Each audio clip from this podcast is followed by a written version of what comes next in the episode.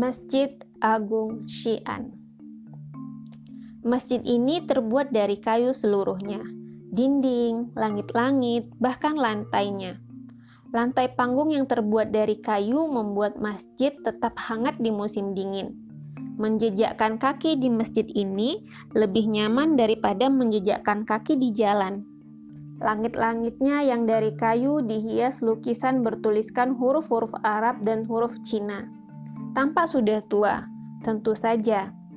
Pilarnya semua bertuliskan huruf Arab Mungkin bukan Asmaul Husna karena jumlah tulisannya lebih dari 99. Tiang-tiangnya kokoh sekali. Setiap tiang adalah batang dari satu pohon besar matang yang tidak dibelah, khas bangunan zaman dahulu. Yang paling menakjubkan bagiku adalah seluruh dinding kayu bagian dalam masjid ini berukiran tulisan huruf Arab di bagian dinding sebelah atas – dan tulisan huruf Hanzi di bagian dinding sebelah bawah. Tulisan huruf Arabnya adalah surat dari Al-Quran. Huruf Hanzinya aku tidak tahu, mungkin terjemahannya. Seluruh dinding masjid ini dipenuhi ukiran, bukan lukisan, ayat Al-Quran dan terjemahannya. Mungkin seluruh Al-Quran lengkap ada tertulis di sini. Bayangkan proses pengerjaannya. Subhanallah. Di depan, di arah kiblat, ada satu pintu besar yang rupanya mengarah ke bagian yang lebih depan masjid ini. Ada satu orang turis lelaki juga sedang sholat di sana. Aku yakin dia turis karena penampilannya sangat timur tengah. Istri dan anaknya sedang menunggu di luar.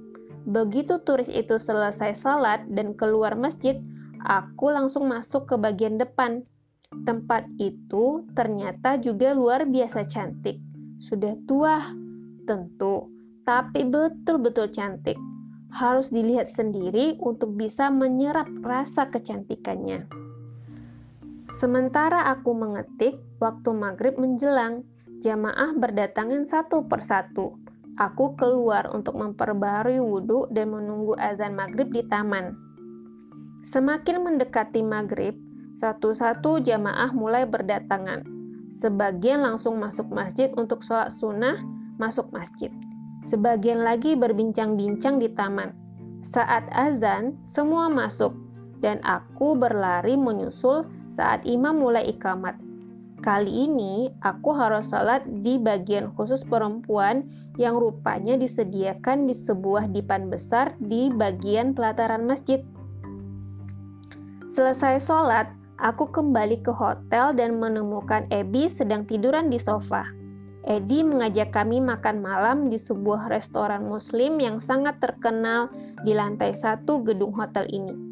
Restoran ini menggunakan 20 macam rempah-rempah sebagai bumbu mereka dan semua bumbu yang mereka gunakan dipamerkan dalam sebuah etalase berukiran motif Cina. Sebagian adalah bumbu khas India, dan sebagian lagi adalah bumbu yang banyak digunakan di Indonesia. Tentu saja, 20 bumbu bukan sesuatu yang mengagumkan bagi orang Minang seperti aku, yang diberitahu bahwa bumbu lengkap rendang berjumlah 25 macam. Tapi bagi Ebi dan Edi, 20 bumbu adalah suatu jumlah yang luar biasa.